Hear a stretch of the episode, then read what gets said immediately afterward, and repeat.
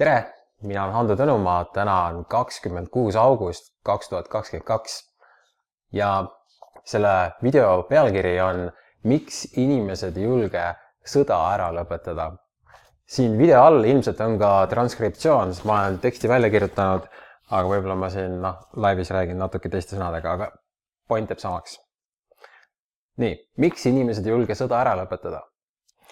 all jää-, alljärgnev on veidi sügavam teema, see tähendab, et mõttekäigust arusaamiseks on vaja kaasa mõelda, seega ma soovitan seda artiklit mitte lugeda või seda videot vaadata juhul, kui sa oled väsinud või kui sul on lihtsalt noh, kuidas öelda, keskendumishäireid või tähelepanu, äh, kannatad keskendumishäirete all, ütleme nii. Äh, siin kontekstis ma ei räägi spetsiifiliselt Ukraina sõjast, vaid see mõttekäik kehtib kõikide praeguste, eelmiste kui ka tulevaste sõjaliste konfliktide kohta. aga noh, lihtsustamise mõttes teeme nii, et räägime sellest Ukraina sõjast. ja ma esitan küsimuse, miks inimesed ei julge seda sõda ära lõpetada? ja siin hetkel me ei spekuleeri selle üle, kui palju sellest sõjast on päris ja kui palju mitte, sest et keda see teema huvitab nii-öelda võimalik äh, sõjasimulatsioon, need inimesed on sellega ammu kursis, selle, selle teemalisi Youtube'i kanaleid ja igasuguseid BitChuti kanaleid ja veebilehti ja Twitterit on rohkem kui piisavalt.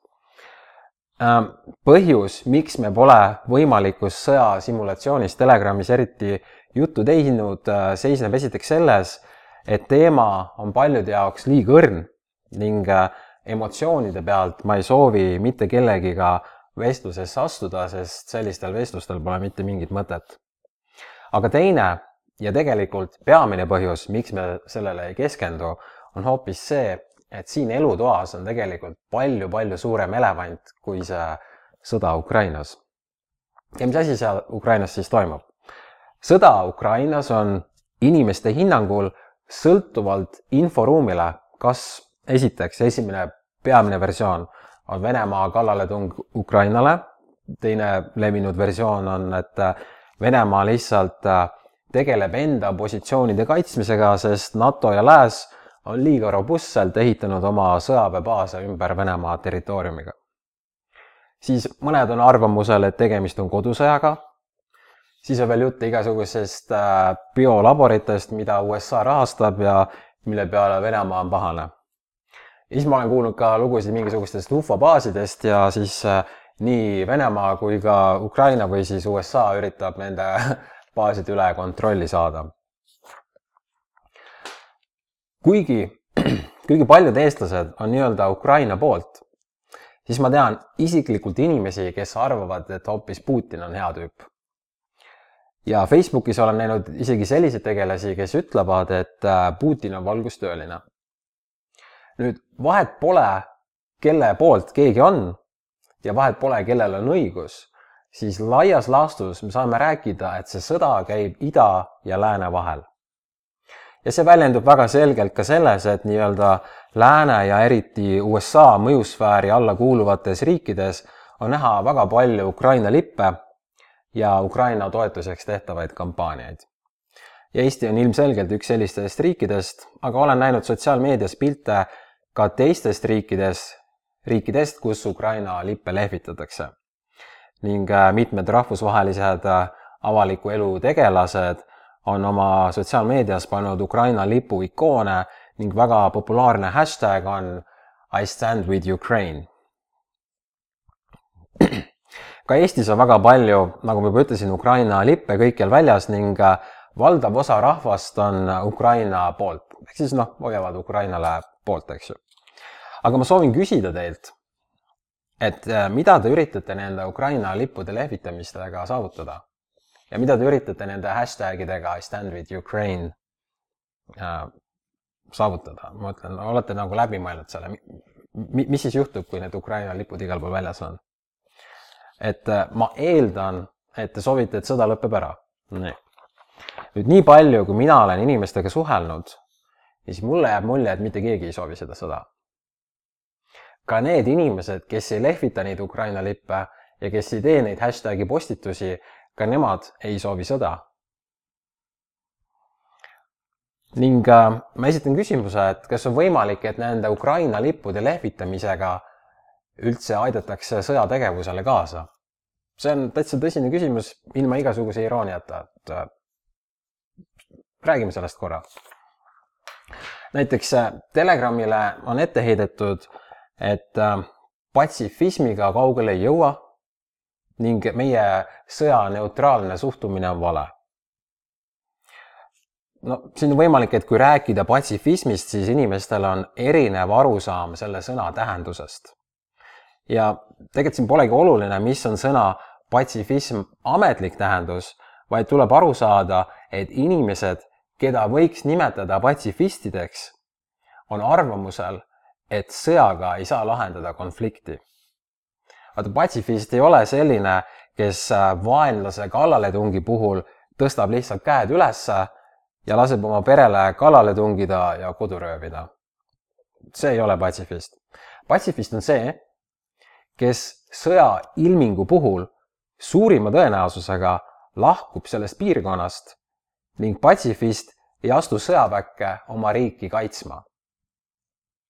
Vähemalt mina tunnistan, et mina olen selline, et kui nii-öelda vaenlane peaks tungima Eestisse ja siin läheks pommitamiseks, siis mina lihtsalt lahkuksin siit aga see ei tähenda, et ma ei armastaks oma kodumaad.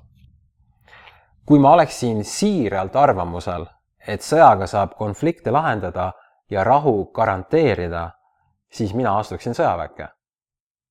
aga ma ei tee seda, sest ma olen arvamusel, et sellel tegevusel pole mitte mingit mõtet. tuleme tagasi minu artikli pealkirja juurde. miks inimesed ei julge sõda ära lõpetada? paljud reageerivad sellele selle küsimuse peale automaatselt, et kas ma panen segast või mis asi pole julguses, vaid Putin on sõjakurjategija, kes ründab teist riiki ning selle vastu saabki ainult sõjaga. aga kas te teate minevikust mõnda sõjalist konflikti, mis sai sõjaga ära lahendatud? mina näiteks ei tea mitte ühtegi. siin maa peal on sõda käinud vähemalt viimased sada aastat esimene maailmasõda, teine maailmasõda, Korea sõda, siis meil oli Vietnami sõda, siis oli meil see külm sõda, siis oli Afganistani sõda, lahe sõda, siis oli nine eleven, siis oli Iraagi sõda, siis oli Afganistani sõda, siis oli veel Liibüa ja nii edasi ja nii edasi. nüüd on lisaks Ukraina konfliktile pinged ka seal Hiinas ja Taiwanis. nüüd võta ükskõik milline nendest sõdadest ja küsi iseendalt, kas need konfliktid on tegelikult ka ära lahendatud või kas siin on võimalus, et mingi hetk need sõjad jätkuvad või taas eskaleeruvad? vastus on ilmselge jah. Nii-öelda kolmas maailmasõda on õhus olnud juba aastakümneid.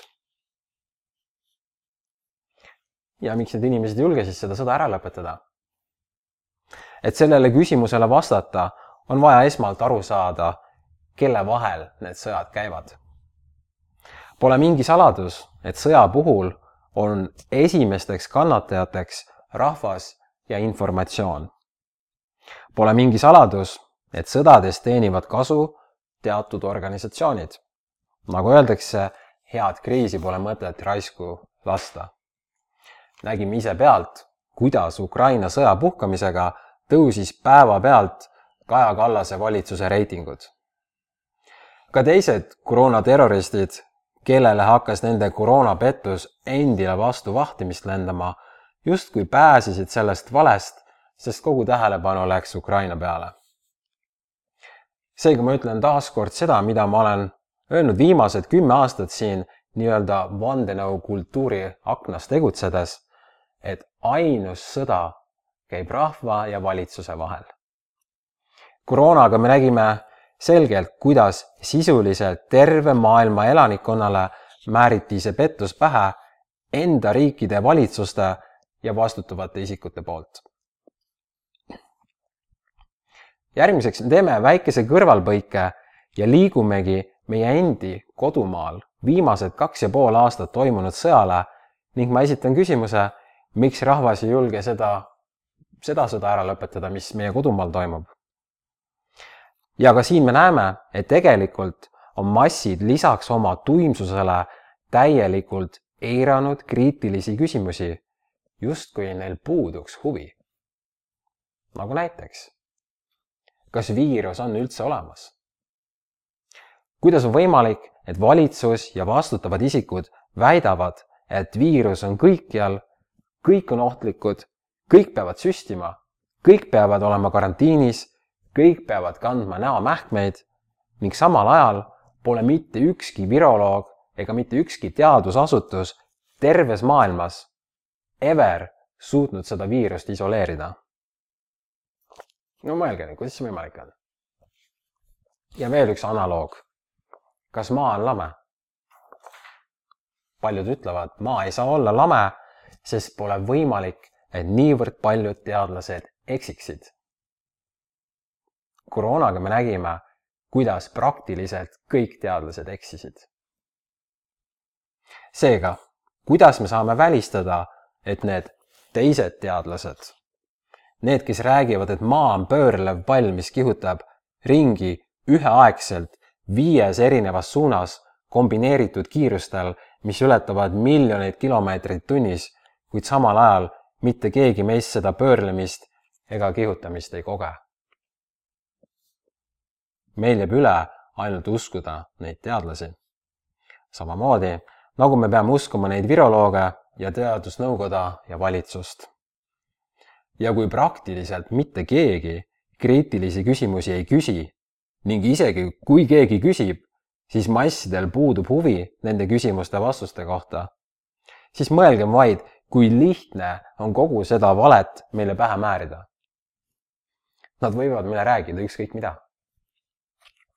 minu jaoks ongi äärmiselt huvitav teema see, et miks nii vähesed inimesed tunnevad huvi selliste küsimuste vastu. Olgu see siis maa kuju ehk meie reaalsus, meie reaalsuse olemus või oleks, või olgu see viiruse olemus ehk kas viirused on üldse olemas. ma võiksin näppude peal üles lugeda need üksikud, kes reaalselt uurivad neid teemasid. samas üleüldisest koroonapettusest justkui said aru tuhanded inimesed Telegram avaldas esimese artikli viiruse olemuse küsitavuse osas esimesel aprillil kaks tuhat kakskümmend, mille faktikontroll koheselt ära tembeldas libauudiseks. varsti peale seda kustutati Telegrami seitsmekümne tuhande fänniga Facebooki leht, sest faktikontroll nimetas libauudiseks veel paar asja, mis tänaseks on osutunud kõik tõeks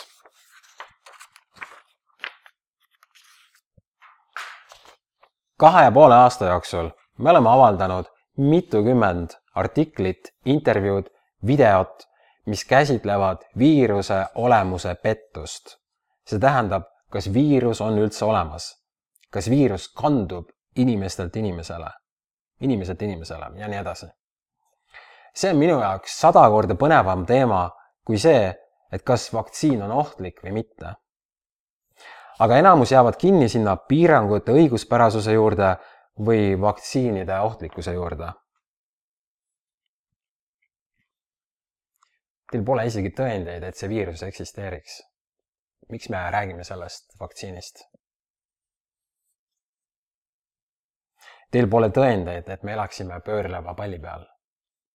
mitte kellelgi ei ole. ja kas need pole mitte äärmiselt olulisemad teemad kui jaurata selle üle, kes on liberaal või kes on konservatiiv või kummal on õigus. keda huvitab nagu reaalselt? koroonaga me nägime, kuidas nii liberaalidele kui ka konservatiividele tõmmati kott pähe kõikjal maailmas.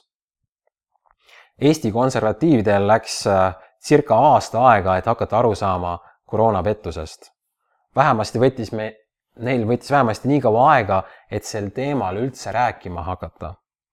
Peagi pärast seda hakkasid ka liberaalsemate vaadetega inimesed koroonapettuse osas sõna võtma. seega mina väidan üldse, et liberaalsus ja konservatiivsus on ühe mündi erinevad pooled. kummagil pole tõendeid, et viirus üldse eksisteeriks, kummagil pole tõendeid, et nad elaksid pöörleva palli peal ning tundub, et kumbagi ei huvita ka need teemad. või kas on võimalik, et need mõlemad kardavad neid teemasid uurida. meeldetuletuseks, artikli pealkiri või video pealkiri oli miks ei julge inimesed neid sõdasid ära lõpetada? mina pakun, vastus on selles, et nad kardavad valitsust. samamoodi nagu me nägime koroonaga, kuidas rahvas ei julenud vastu hakata valitsusele. võiks isegi küsida, et kumba kardab rahvas rohkem, kas Putinit või Eesti valitsust? sest ma ei ole näinud tõendeid selle kohta, et nad kardaksid äh, Putinit rohkem kui seda kohalikku, sest äh, praktiliselt mitte keegi ei teinud praktiliselt mitte midagi, kui enda valitsus rullus lahti ajaloo kõige suurema terrorismikampaania omaenda rahva vastu kuigi vaktsiinivastaseid oli Eestis palju ning me nägime, et circa pooled täiskasvanud siiski ei vaktsineerinud ennast, siis regulaarsetele meeleavaldustele tuli kohale ainult paarsada inimest. suurele meeleavaldusele tuli umbes kümme tuhat. aga see kümme tuhat, see, mis Varro korraldas, ma räägin sellest meeleavaldusest, see kümme tuhat moodustab siiski ainult mõne üksiku protsendi nende inimeste seast, kes vaktsiini ei teinud enamus vaktsiinivastaseid siiski panid need mähkmed ette, et saaksid oma elu rahulikult edasi elada. see tähendab, et neid, kes julgesid üldse midagi vastu hakata, neid on tegelikult ainult mõni protsent. ja sama käib ka teadlaste kohta. enamus teadlasi siin ja välismaal läksid selle jamaga kaasa ja need vähesed, kes said pettusest aru, neist ainult üksikud julgesid sõna võtta. see tähendab, et enamik meetmete kritiseerijaid läksid päeva lõpuks nende mõttetute ja ebaloogiliste reeglitega kaasa. kõigil on vaja perele leiba teenida, mis tähendab, et nad on väikesed hammasrattad sunnisüsteemi mehhanismis, mida nad ise aitavad töös hoida. hirmus sattuda kriitika ja tühistamise alla kandsid nad oma suukorvi lasid end vajadusel kuulekalt testida ja vahel sotsiaalse surve tõttu isegi vaktsineerida. seega, mis kasu on sellest, kui sa oled salaja diktatuurisüsteemi vastane, kuid ei kuuluta seda avalikult välja ega boikoteeri seda? eelkõige aitab selline vaikuse spiraal tagada koroonarežiimi jätkamise. ning täpselt samasugune vaikuse spiraal aitab tagada sõjarežiimi jätkamise. maailmajuhid ei tee saladust, et nad kontrollivad nii ida kui ka läänt. Klaus Schwab on selle välja öelnud ja ta tunneb selle üle isegi uhkust. ma tunneksin ka. kui rahvas on nii loll, et ma ütlen välja, mis ma teen, aga need ikka mitte midagi aru ei saa. ja ma kontrollin neid, ma tunneksin ka uhkust, kui see nii lihtne on see tähendab, et kui keegi ütleb, et ta on Ukraina poolt, siis ta aitab sõna otseses mõttes sõjategevusele kaasa. sest vaadake, siin elutoas on tegelikult päris mitu elevanti. vähemasti Telegrami lugejad on ilmselgelt kursis üheksa üks ühe terrorirünnakute sisetööga. see tähendab, et USA valitsuse kaasabil korraldati üheksa üks, üheksa üksteist terrorirünnakud aastal kaks tuhat üks millega õigustati kontrollsüsteemi, sorry, kontrollsüsteemi loomist ja sõjategevust Lähis-Idas. üheksa üksteist on samasugune avalik pettus nagu koroona. massid on kursis, et selle sündmusega oli midagi väga kahtlast, aga praktiliselt mitte keegi ei ütle mitte midagi.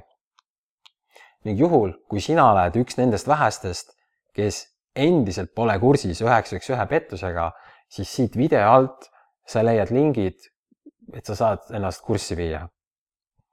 see on, see on huvitav jänesurg, kui sa tõesti veel ei ole sellega kursis. et äh, võttes arvesse, et üheksa üksteist on sisetöö ning suurima tõenäosusega need inimesed, kes seda videot praegu vaatavad, need kõik teavad, et üheksa üksteist on sisetöö siis ma mõtlen, et mis emotsioonidega te postitate neid Ukraina lippe ja neid hashtag'e, teades samal ajal, et üheksa üksteist on sisetöö, ehk siis äh, enne koroonat meie teadaoleva ajaloo suurim pettus, millega õigustati kontrollsüsteemi loomist, inimesi terroriseeriti, äh, rulluti lahti mitte üks, vaid lausa kakssada, mille ametlikel andmetel hukkus äh, miljoneid inimesi. et see on avalik info.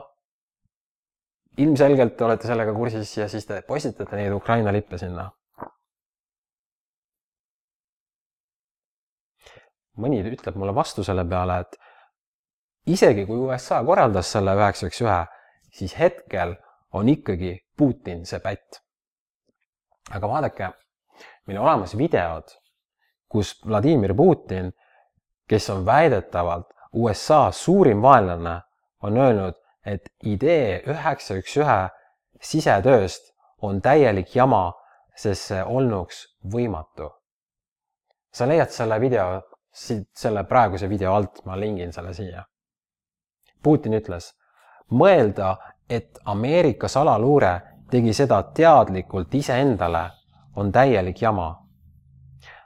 aga isegi mina ei suuda ette kujutada, et mõned praegused või eelmised riigijuhid või salateenistus midagi nii hullumeelset võiksid korraldada omaenda rahva peal. Need olid äh, Putini tsitaadid nüüd iroonia on aga selles, et koroonaga korraldas Putin midagi sama hullumeelset omaenda rahva peal. ning veel lisaks, kui isegi tädi Mali teab, et üheksa üksteist on sisetöö, siis kuidas on võimalik, et Putin seda ei tea? Sest juhul, kui ta seda ei tea, siis see tähendaks, et Putin on ju täielik idioot. aga vaevalt, et ta seda on.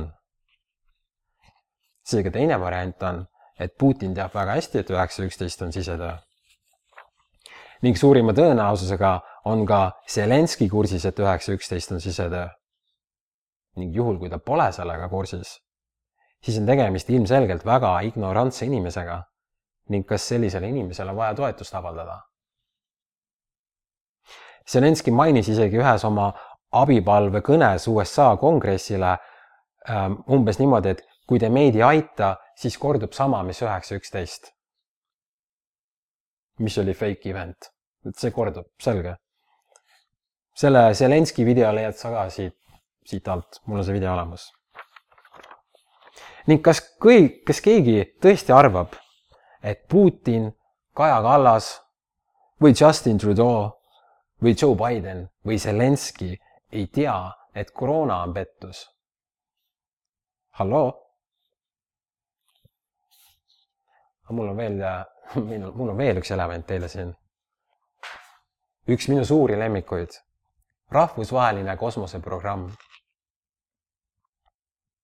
Nad väidavad, et viiskümmend kolm aastat tagasi käisid tüübid ehk siis astronaudid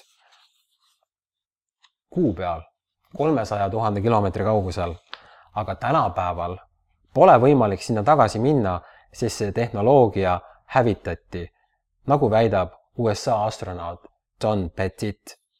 selle video leiad ka siit alt. ühesõnaga, tüüp ütleb, et äh, pool sajandit tagasi, siis kui oli mustvalge maailm, meil ei olnud internetti, meil ei olnud äh, mobiiltelefone.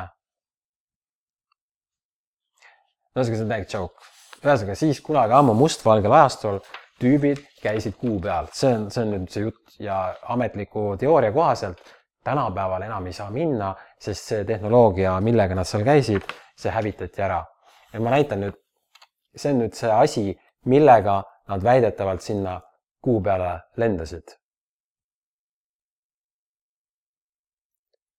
see on Vikipeediast on see pilt võetud, ma jätan selle lingi ka siia alla, saad vaadata seda suuremalt, aga kui sa nagu äh, vaatad seda lähedalt, siis sa näed, et see asi, see maailma ime, mis lõhuti ära, mida ei ole võimalik enam uuesti ehitada, see on tehtud papist. seal on papp, foolium, seal on näha seda nii-öelda MacGyveri teipi, siis seal nagu mingid luuavarred või pesumasina torud. Ning selle asjaga tüübid käisid pool sajandit tagasi kuu peal kui võrrelda kõige moodsamat autot aastal tuhat üheksasada kuuskümmend üheksa ja kõige moodsamat autot täna aastal kaks tuhat kakskümmend kaks, siis nad erinevad üksteisest niivõrd palju, et varsti ei saa neid isegi enam ühise nimetaja alla panna. aga ida ja lääs üritavad panna oma rahvast uskuma, et enam kui pool sajandit tagasi astus inimene kuu pinnale. ja tehnoloogia ei ole seda hilisematel kümnenditel enam lubanud. ma tsiteerin, mida see astronaut John Petit ütles. me ei saa kuu peal tagasi enam minna, sest nad lõhkusid ära sinna minekuks vajaliku tehnoloogia ning seda uuesti ehitada on väga keeruline. tsitaadi lõpp. üks teine näitleja, Richard Branson, tema on äh, müünud pileteid äh, see kosmosereisidele üle kahekümne aasta. siiamaani ei ole ühtegi tehtud ja ta ütleb space is hard. tegelikkus on aga see, et ida ja lääs on üheskoos oma rahvale ka kosmoloogia pettust pähe määrinud viimased kuuskümmend pluss aastat. Putin ehk siis kõige halvem mees terves maailmas, kelle vastu tuleb sõdida, tema on öelnud, et jänkide ehk siis ameeriklaste võimaliku kuu peal käimise lavastamist äh, saab nimetada täielikuks jamaks. ta ei usu seda. Nad ei saanud seda valetada. kuid praegusel ajal, just praegu laivis, kui sa lähed, hakkad uurima rahvusvahelise kosmosejaama videoid, siis sa näed, et need on fake itud Neid videoid on kõriauguni, terve Youtube on neid täis ja kui on ära kustutatud, leiad mujalt ja Telegramist leiad ka need. Need videod, kus need tüübid on rahvusvahelisel kosmosejaamas, kus on USA, Venemaa, Hiina, India, kes seal veel on, see ESA ja vist äh, keegi oli veel, JAXA, Jaapani värk on ka seal, eks ju. tüübid üheskoos feigivad seda ma soovitan lugeda artiklit Rahvusvaheline kosmosejaam on tore teater, aga mitte reaalsus. leiad selle ka siit alt. ma olen kuulnud inimesi ütlemas, et Putin peab teatud asjades kaasa mängima, nagu näiteks üheksa üksteist pettus ja kosmoloogia pettus. aga minu küsimus vastu on, et kuidas sa seda nagu ette kujutad, et Putin seda kaasa mängib? mõtle nüüd korra loogiliselt. kas Putin peab vihase geopoliitilise kõne ära, millele vastab Joe Biden ja siin Euroopa, et oi, et jõhker vend, nüüd läheb sõda veel retsimaks, et see tüüp tuleb ära hävitada, eks ju. et äh, Putin peab selle kõne ära ning pärast, pärast seda teeb väikse kohvipausi ning siis teeb konverentsi kõne NASA-ga, kuidas arutada edasist koostööd International Space Stationi pettuse osas. kas see käib niimoodi või? Et ta ühel ajal sõdib Ukrainas ja siis täpselt samal ajal teeb USA-ga koostööd, kuidas seda kosmoloogia pettust edasi teha. et niimoodi käib teie hinnangul see asi või? Sorry, kogu seda asja on palju lihtsam ära seletada, kui võtta eelduseks, et ida ja lääs mängivad kokku ning tõestusmaterjale selle jaoks on enam kui piisavalt. ja tegelikult ongi nii probleem ei ole kunagi olnud tõestusmaterjalides, olgu see koroona või nine eleven, vahet ei ole, mis. inimestel on mingi vaimne plokk ees. ma olen kuulnud, et äh, põhjus, miks kõik läksid selle Ukraina rongi peale, oli see, et inimestel on hirm. siis tuleb hirmule näkku vaadata, pole midagi teha. kui te tahate need sõjad ära lõpetada, siis tuleb alustada nine elevenist. kas sa oled kuulnud kui oled mingisuguse probleemi või küsimuse ees, siis peaaegu et alati on kõige lihtsam vastus õige vastus.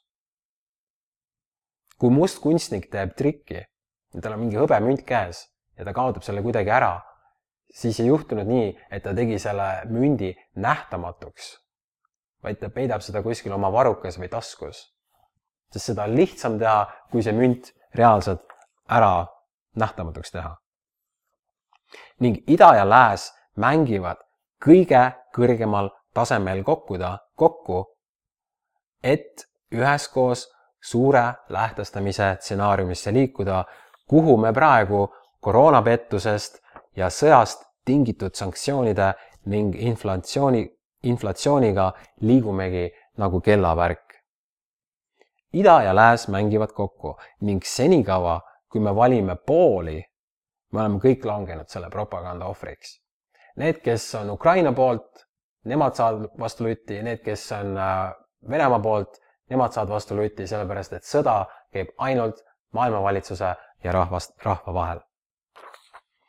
ehk siis kokkuvõtteks, kokkuvõtteks me oleme tuvastanud, et maailma juhid mängivad kokku koroonapettuse, üheksa üks ühe sisetööga ja kosmoloogia pettuses. See tähendab, et nad valetavad meile meie tervise osas, nad valetavad meile geopoliitiliste sündmuste osas ja nad valetavad meile sellest, mis koht see on, kus me üldse asume. ehk siis, kes me oleme, kus me oleme, millal me oleme ja nii edasi. ja siis leidub inimesi, kes valivad pooli nende triksterite vahel. kas te teete nalja või?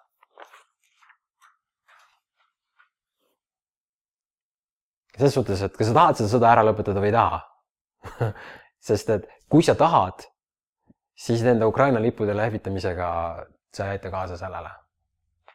aga kui sa tahad edasi läheks kõik nagu praegu on läinud, siis andke tuld. kohe tuleb see uus hooaeg hakkab koroonat jälle. vaata, suvi on läbi.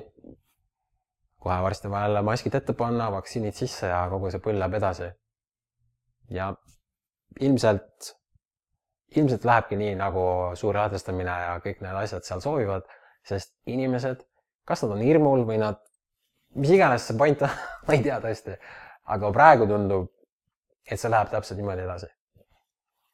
ja kui nüüd lõpetuseks äh, sa võid küsida, et miks ma üldse selle video teen, kui nagunii kõik on mõttetu või kõik läheb nagunii kaasa nagu täiesti piinlikud, siis see on ilmselt see video on nendele üksikutele, kes saavad aru, et kogu see asi on hoogs ning ma olen saanud aastate jooksul mõned siuksed tänukirjad, kus öeldakse umbes, et, et thanks, et sa mõtled või julged midagi välja öelda, et ma oleks muidu hulluks läinud. nüüd see video ongi nüüd teile kes te saate aru, et see USA ja lääs ja ida-lääs, need kõik mängivad kokku ning äh, need, kes väidavad, et nad tahavad rahu ja aitavad ikkagi sõjale kaasa. See video on nüüd teile, kes te tunnete ennast äh, veidra, veidras olukorras, et äh, miks inimesed seda jama edasi viivad. ma vist lõpetan nüüd ära, mul aitab. kena suve lõppu ja siis mõnusat uh, uut hooaega, tšau